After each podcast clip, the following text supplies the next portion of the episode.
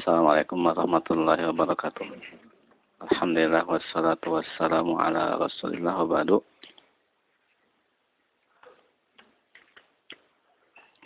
Kita melanjutkan kitab At-Tauhid. Babu qawlihi, qawlihi ta'ala. Bab firman Allah subhanahu wa ta'ala. Innama dzalikumus syaitanu yukhawwifu awliya'ahu fala takhafuhum wa khafuni in kuntum mu'minin. Sesungguhnya uh, itu sesungguhnya uh, setan itu menakut-nakuti kalian dengan wali-walinya. Maka jangan takut kepada mereka dan takutlah kepadaku bila kalian benar-benar beriman. Ini bab tentang al-khawf. Rasa takut. Uh, ibadah kepada Allah kalau tidak disertai uh, khauf itu bukan ibadah. Karena ibadah harus memiliki tiga pilar apa? Khauf roja sama mahabbah. Dan di sini al khauf min afdali maqamatid din wa ajaliha. Khauf itu termasuk uh, apa pondasi-pondasi din yang paling utama dan paling agung di mana Allah Subhanahu wa taala memuji uh, hamba-hambanya yang soleh yang beribadah kepada Allah dengan dipenuhi rasa khauf. Allah mengatakan yakhafuna rabbahum min fawqi. Mereka takut kepada Rabb mereka yang ada di atas mereka. Juga Allah mengatakan waliman khafa maqama rabbih jannatan. Dan bagi orang yang takut kepada kedudukan Rabbnya, dia ada jannatan dua surga. Wahum min khasyatihi musyfiqun. Mereka uh, apa takut ke, saking takutnya mereka sangat takut kepada Allah wa iyaya farhabun. Juga dan hendaklah kepada aku mereka eh, kalian takut. Juga firman Allah fala takhshawhum fala takhshawun nasa wakhshawun. Jangan takut kepada manusia dan takutlah kepada kepada aku. Jadi uh, khauf atau khasyah itu adalah bentuk ibadah. Khauf rasa takut itu ada tiga macam. Yang pertama khaufus sir khauf asir takut yang sifatnya sir yaitu ayyakhafa min ghairillah min wasanin aw taghutin ayyusibahu bima yakrah disebutnya khauf asir itu takut kepada selain Allah baik kepada togut kepada berhala dari e, berhala atau togut atau e, patung atau hal itu menimpakan e, keburukan kepada orang tersebut. Atau bahasa orang sekarang kalau apa nanti kamu tertimpa apa uh, apa ya kalau walat. walat itu kan. Kalau kamu tidak uh, menghormati kuburan itu kamu kualat kan biasa kan ya kita kamu tidak apa mengagungkan wali itu kamu walat nanti akan ada yang menimpa diri kamu itu namanya khaufusir ini syirik ini syirik ini kan yang yang dimiliki oleh orang-orang ubadul kubur, makanya mereka kalau masuk ke kuburan-kuburan yang dikeramatkan dipenuhi rasa apa? Takut. Takut melanggar ini dan itu itu kan nanti terkena ini. Dan itu yang dikatakan oleh kaum Nabi Hud kepada Nabi Hud. Ketika Nabi Hud apa? E, mendakwakan tauhid dan mencela berhala mereka itu. Mereka mengatakan, Inna qulu illa ataraka ba'du alihatina bisu. Qala inni ushidullaha wa ashhadu anni bari'um mimma tusyrikuna min dunihi fakiduni jami'an thumma la tunzirun. Uh, kami tidak mengatakan kecuali kamu ini tertimpa apa? Keburukan oleh sebagian Tuhan-Tuhan kami. Jadi terkena apa? Kualat terkena apa? Supata lah kalau bahasa kita kan. Tahu kan? Intinya apa? Nah, tadi e, kualat di apa? E, terkena apa? Punya keburukan yang ditimpakan oleh sebagian Tuhan-Tuhan kami. Terus Nabi Hud mengatakan, Aku menjadikan Allah sebagai e, saksi dan saksikanlah sesungguhnya aku berlepas diri eh, diri dari apa yang kalian sekutukan selain Allah. Maka bikinlah kalian makar seluruhnya kepadaku dan jangan kalian menangguh-nangguhkan. Dan juga Allah mengatakan wa yukhawwifunaka billadzina min dunih. Mereka menakut menakut-nakuti kamu dengan yang mereka ibadati selain Allah. Awas nanti kalau kamu tidak apa mengagungkan wali ini kamu akan terkena ini. Biasa kan ya orang-orang kuburian itu. Ini tauhid apa khauf ini khauf yang menafikan tauhid, melenyapkan tauhid disebutnya khaufusir. Itu yang pertama. Yang kedua, ayatul kal insan ma yajibu alaihi khaufan min ba'din nas. Fahada muharramun. Orang meninggalkan suatu kewajiban karena takut kepada manusia. Ini haram. Khauf yang haram. Orang takut e, mengingkari kemungkaran atau takut melakukan kewajiban karena takut manusia. Ini khauf yang haram seperti orang uh, apa uh, ya pokoknya uh, apa ketika mau mengingkari kemungkaran takut orang-orang pada apa uh, marah. Nah, itu termasuk khauf yang haram. Akhirnya dia meninggalkan kewajiban. Atau takut umpamanya uh, dipecat itu kan dari pekerjaannya kalau seandainya menunaikan kewajiban ini. Berarti itu atau, uh, takut yang uh, haram. Dan ini menafikan kesempurnaan tauhid. Kan ada yang pertama menafikan pokok tauhid, kalau ini menafikan kesempurnaan tauhid yang wajib. Dan ini yang di, uh, yang ada dalam uh, judul uh, kitab ini merupakan uh, apa uh, ini merupakan sebab nuzul ayat ini. Allah mengatakan alladzina qala lahumun nas innan nasa qad jama'u lakum fakhshawhum fazad, fazadahum imana wa qalu hasbunallah wa ni'mal wakil fanqalabu bi ni'matin minallahi wa fadlin lam yamsashum su'u wa taba'u ridwanallah wallahu dzu fadlin azim. Innama dzalikumus syaitanu yukhawwifu awliya'ahu fala takhafuhum wa khafuni in kuntum mu'minin. Ini kan kaitan dengan ketika perang Uhud kan? Selepas perang Uhud kan pasukan Abu Sufyan pulang ke Mekah. Terus Rasulullah ke Madinah, tapi Rasul tidak e, langsung memerintahkan sahabat untuk e, apa menyusul mereka itu kan. Nah, Abu Sufyan e, apa ada orang yang lewat menyuruh kepada orang itu untuk e, mengabarkan bahwa kami akan datang ke Madinah akan nyerang lagi. Nah, ini orang yang lewat ini mengasih tahu kepada kaum muslimin nakut-nakuti. Nah ini, ini wali wali setan menakut-nakuti dengan walinya itu apa? E, pasukan kaum musyrikin. Nah kata Allah apa? Fala takhafuhum. Jangan takut kepada mereka. Dan di sini orang-orang yang mengatakan alladzina qala lahumun nas, orang-orang yang dikatakan kepada mereka oleh manusia, maksudnya kaum muslimin yang dikatakan oleh manusia maksudnya tadi orang yang mengasih kabar itu kan. Innan nasa sesungguhnya orang-orang maksudnya pasukan Abu Sufyan qad jama'u lakum telah kumpul untuk menyerang kalian. Fakhshawhum takutlah kepada mereka. Ya, maksudnya kepada kaum muslimin takutlah kalian kepada mereka kepada pasukan kaum musyrikin.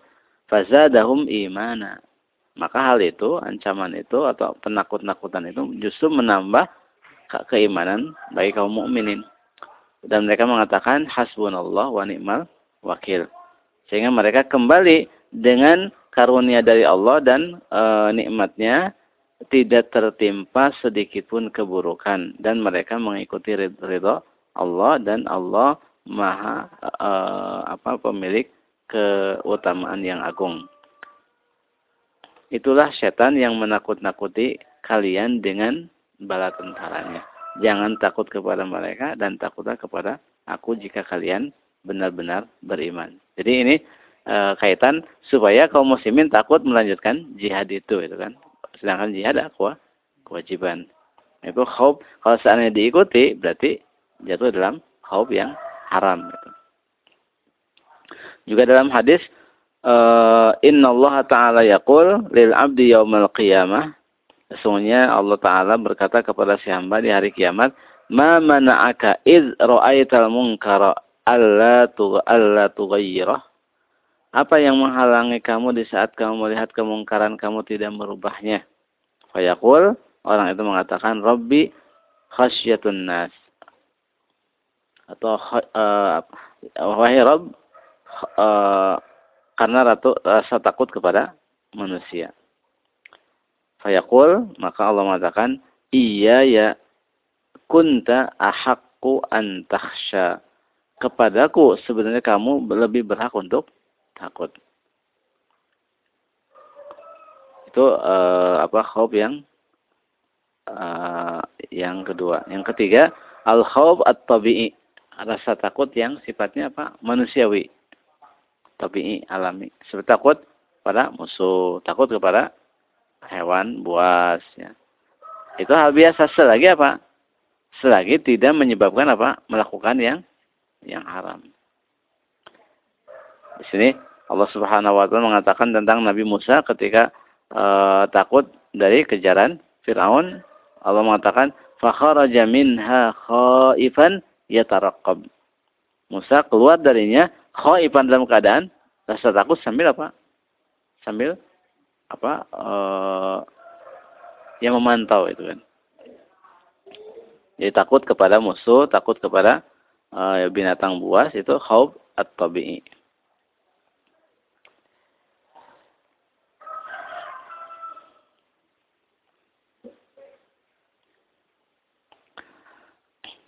Qala musannif rahimahullah taala wa qawlihi ta'ala dan firman Allah Subhanahu wa taala innama ya'muru masajidallahi man amana billahi wal yaumil akhir wa aqama as-salata wa ata az-zakata wa lam yakhsha illallah fa'asa ulaika yakunu minal muhtadin Sesungguhnya yang memakmurkan masjid-masjid Allah itu hanyalah orang yang beriman kepada Allah dan hari akhir dia mendirikan sholat dan menunaikan zakat dan tidak tidak takut kecuali kepada Allah. Mereka itu adalah orang-orang yang mendapatkan petunjuk. Di sini Allah Subhanahu wa taala mengabarkan bahwa masjid-masjid Allah itu tidak layak dimakmurkan kecuali oleh orang-orang yang beriman kepada Allah dan hari akhir yang beriman dengan hati mereka dan beramal dengan anggota badan mereka dan memurnikan khasyah mereka kepada Allah Subhanahu wa taala.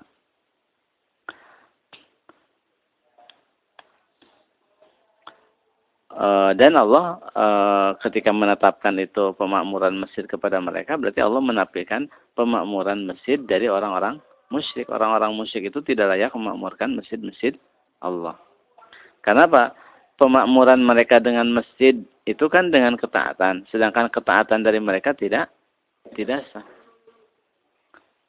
ketaatan atau amal soleh yang mereka lakukan seperti kasarabin biqi'atin yahsabuhu zam'anu ma seperti fata morgana di tanah lapang yang dikira air oleh orang yang yang haus atau karamadin ishtaddat bihirrihu yaumin asib seperti uh, tumpukan debu yang dihempaskan oleh angin topan di musim angin. Jadi yang memakmurkan masjid itu hanyalah orang-orang yang mengagungkan Allah dengan tauhid dan mengagungkan as-sunnah dengan menjauhi bid'ah.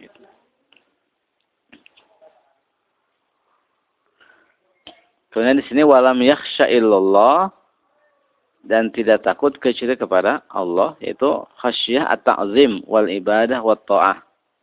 Itu rasa takut yang sifatnya pengagungan, ibadah dan ketaatan. Bukan maksudnya tidak takut, tidak memiliki rasa takut yang sifatnya apa? Tabi'i, itu kan, tabi'i hal rasa takut yang tabi itu semua manusia ada.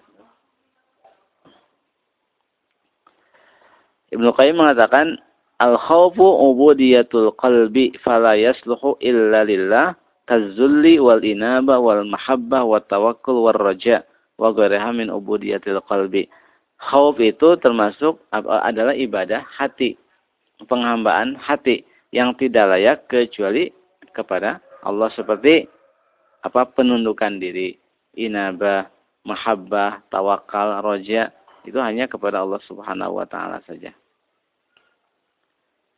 Jadi Allah menetapkan bahwa yang memakmurkan masjid itu orang yang bertauhid, yang takut hanya kepada Allah. Orang-orang musyrik tidak layak memakmurkan masjid-masjid Allah dan Allah melarang mereka masuk dalam masjid.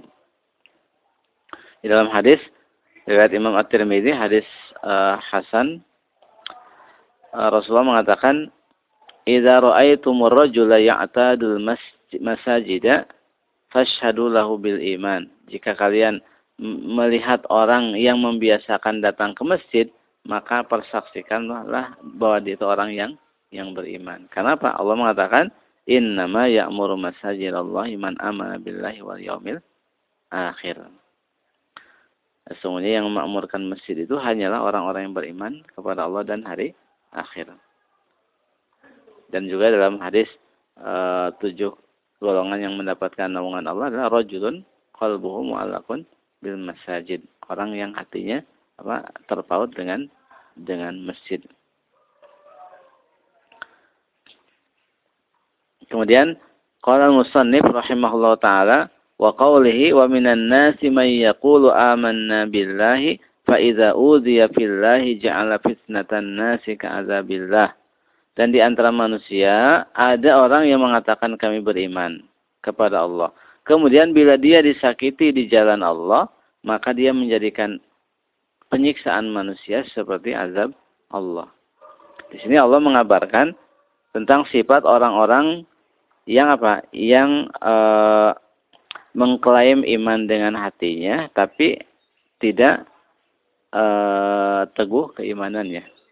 Di mana mereka itu ketika ada ujian maka e, dan fitnah dalam e, keimanannya maka dia apa berbalik arah. Berbalik arah.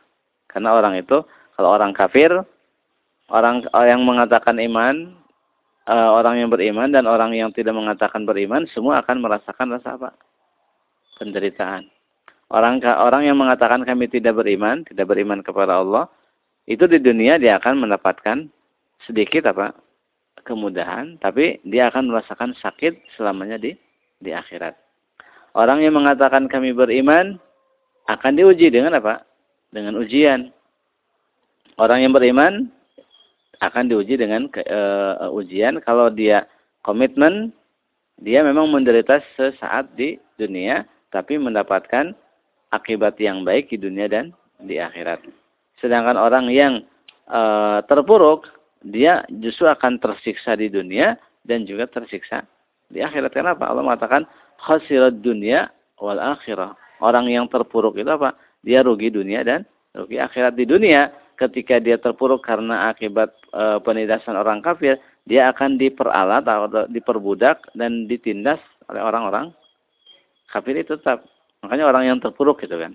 Orang yang membelat kepada apa? Tauhid. Mereka apa? Sebenarnya mereka itu tersiksa juga. Batin mereka tidak apa? Tidak tenang. Kenapa? Mereka diperalat oleh tauhid. Tidak bisa luasa juga. Mereka hat, e, jiwanya menderita di dunia Walaupun secara zahir orang mungkin melihat dia apa? Seperti luasa. Padahal batinnya apa? Menderita. Walaupun menam, seolah-olah menampakkan apa dia? Senang. Tapi dia itu sebenarnya ketika mengajak orang lain untuk seperti dia itu sebenarnya untuk menghibur diri dia sendiri. Supaya dia tidak apa? Tidak sendiri, tidak asing. Makanya mengajak orang lain untuk ikut menderita.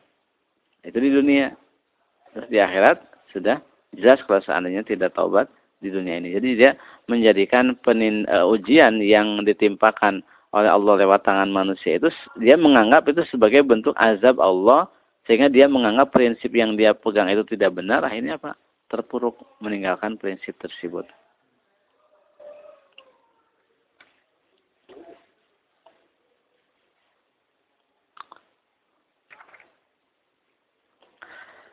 Kemudian Musannif rahimahullah mengatakan An Abi Sa'id marfu'an An Abi Sa'id marfu'an inna min dha'fil yaqin an turdiyan nasa bi sakhatillah wa an tahmadahum ala rizqillah wa an tazummahum ala ma lam yu'tikallah.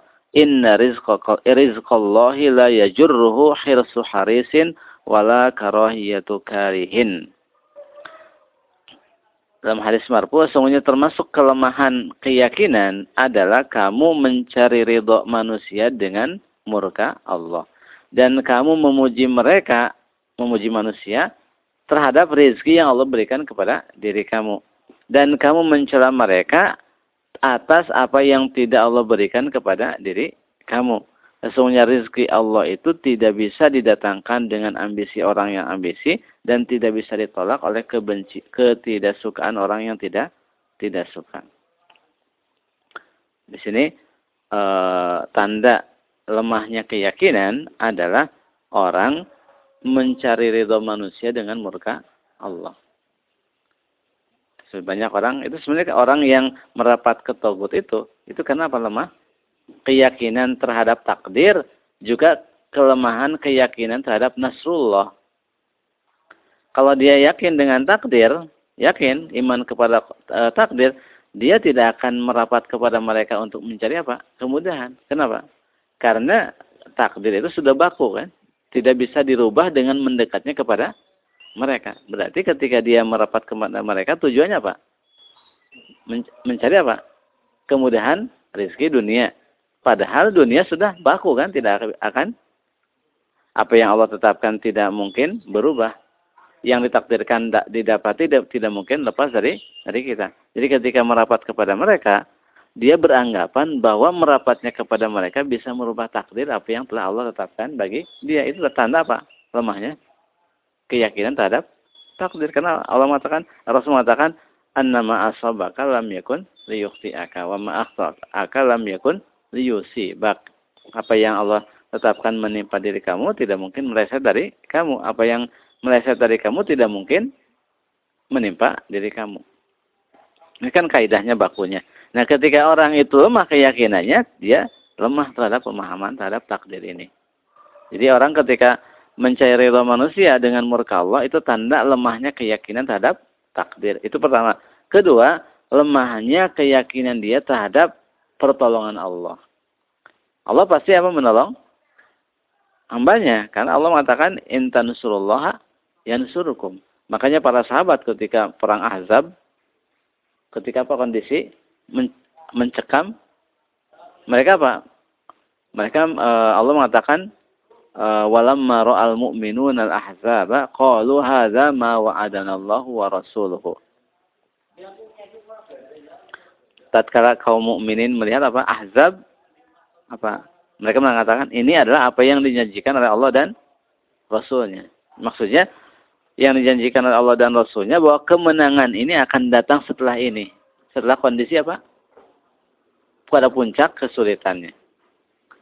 Juga Allah mengatakan uh, ketika kondisi puncak am hasibatum an tadkhulul jannah walamma ya'tikum masalul ladzina khalau min qablikum massathumul ba'sa'u wad-dharra wa zulzilu hatta yaqula ar-rasulu wal ladzina amanu ma'ahum mata nasrullah ala inna nasrullahi qarib.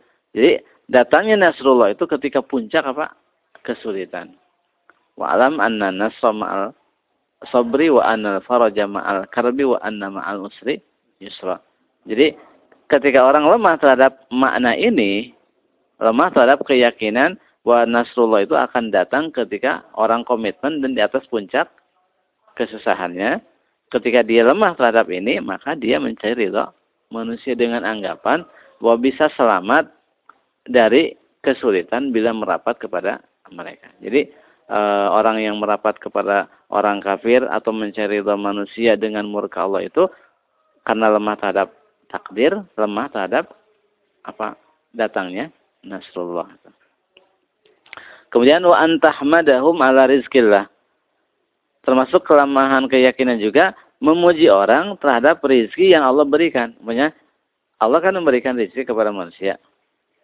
Dia bukan malah bukannya memuji Allah, tapi malah memuji manusia tersebut. Dipuji-puji, oh si fulano bagus, hebat kan. Dia lupa kepada Allah. Tapi ketika tidak diberikan, tidak diberikan, malah apa mencela, oh ada si fulano apa gini-gini gitu kan. Padahal yang memberikan dan menahan rezeki adalah Allah Subhanahu wa taala. Semuanya rezeki Allah itu tidak mungkin apa didatangkan atau dimuluskan dengan ambisinya orang yang ambisi dan tidak bisa ditolak juga dengan ketidaksukaan orang yang tidak suka. Orang umpamanya eh, apa mobil Metro Mini dia tujuannya supaya dapat apa penumpang banyak dan apa bayaran banyak. Dia apa kebut-kebutan. Menyiap mobil yang yang lainnya. Itu kan harus ya. Tapi kalau memang tidak ditakdirkan apa, emang e, takdirnya hari itu dapat segitu, walaupun dia apa, ugal-ugalan, kebut-kebutan, nyiap yang lain, ya penumpang lewat aja. Kalau memang tidak ditakdirkan kan, justru orang yang biasa saja, justru ketika dia lewat muncul penumpang dari gang, nyetop mobil yang yang di belakangnya. Kan gitu.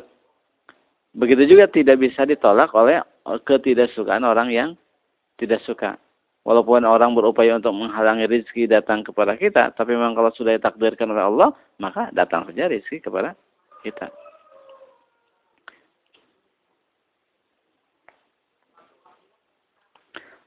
Makanya e, seutama-utamanya ketika orang mendapatkan ujian dari Allah itu adalah yang paling utama adalah ridho.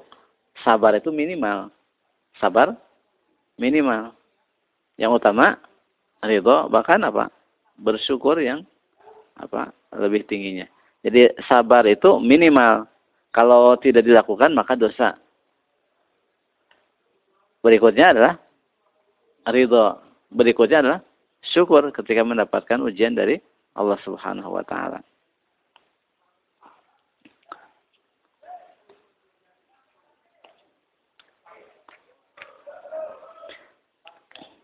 Kemudian Qala musannif rahimahullahu taala an Aisyah radhiyallahu taala anha anna Rasulullah sallallahu alaihi wasallam qala man iltamasa ridan ridallahi bi sakhatin nas radhiyallahu anhu wa arda anhu nas wa man iltamasa ridan nasi bi sakhatillah sakhitallahu alaihi wa askhata alaihi nas rawahu Ibnu Hibban fi sahihihi Uh, Rasulullah SAW mengatakan barang siapa mencari ridho Allah dengan murka manusia, maka Allah ridho terhadapnya dan akan menjadikan manusia ridho.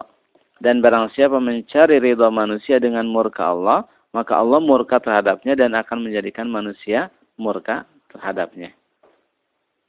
Jadi orang mencari ridho uh, Allah dengan murka manusia, Allah pasti ridho. Dan suatu saat Allah akan menjadikan manusia-manusia itu apa? Ridho, suatu saat. Dan sebaliknya, orang yang mencari ridho manusia dengan murka Allah, Allah pasti murka. Dan suatu saat Allah akan menjadikan manusia-manusia itu murka. Seperti orang yang uh, tadi mencari apa? Uh, ridho, tawud. Allah sudah jelas apa? Murka. Dan suatu saat togut-togut itu akan murka juga terhadap dia itu.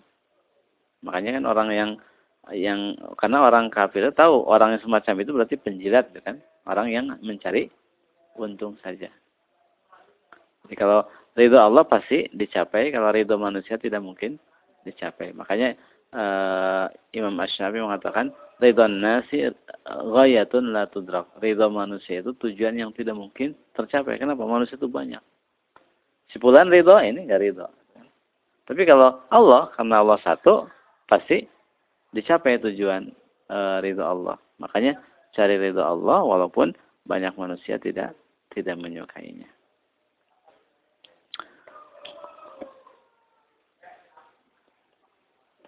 Masail yang ada dalam bab ini tafsir ayat Al-Imran, tafsiran ayat Al-Imran tadi innama dzalikumus syaitan.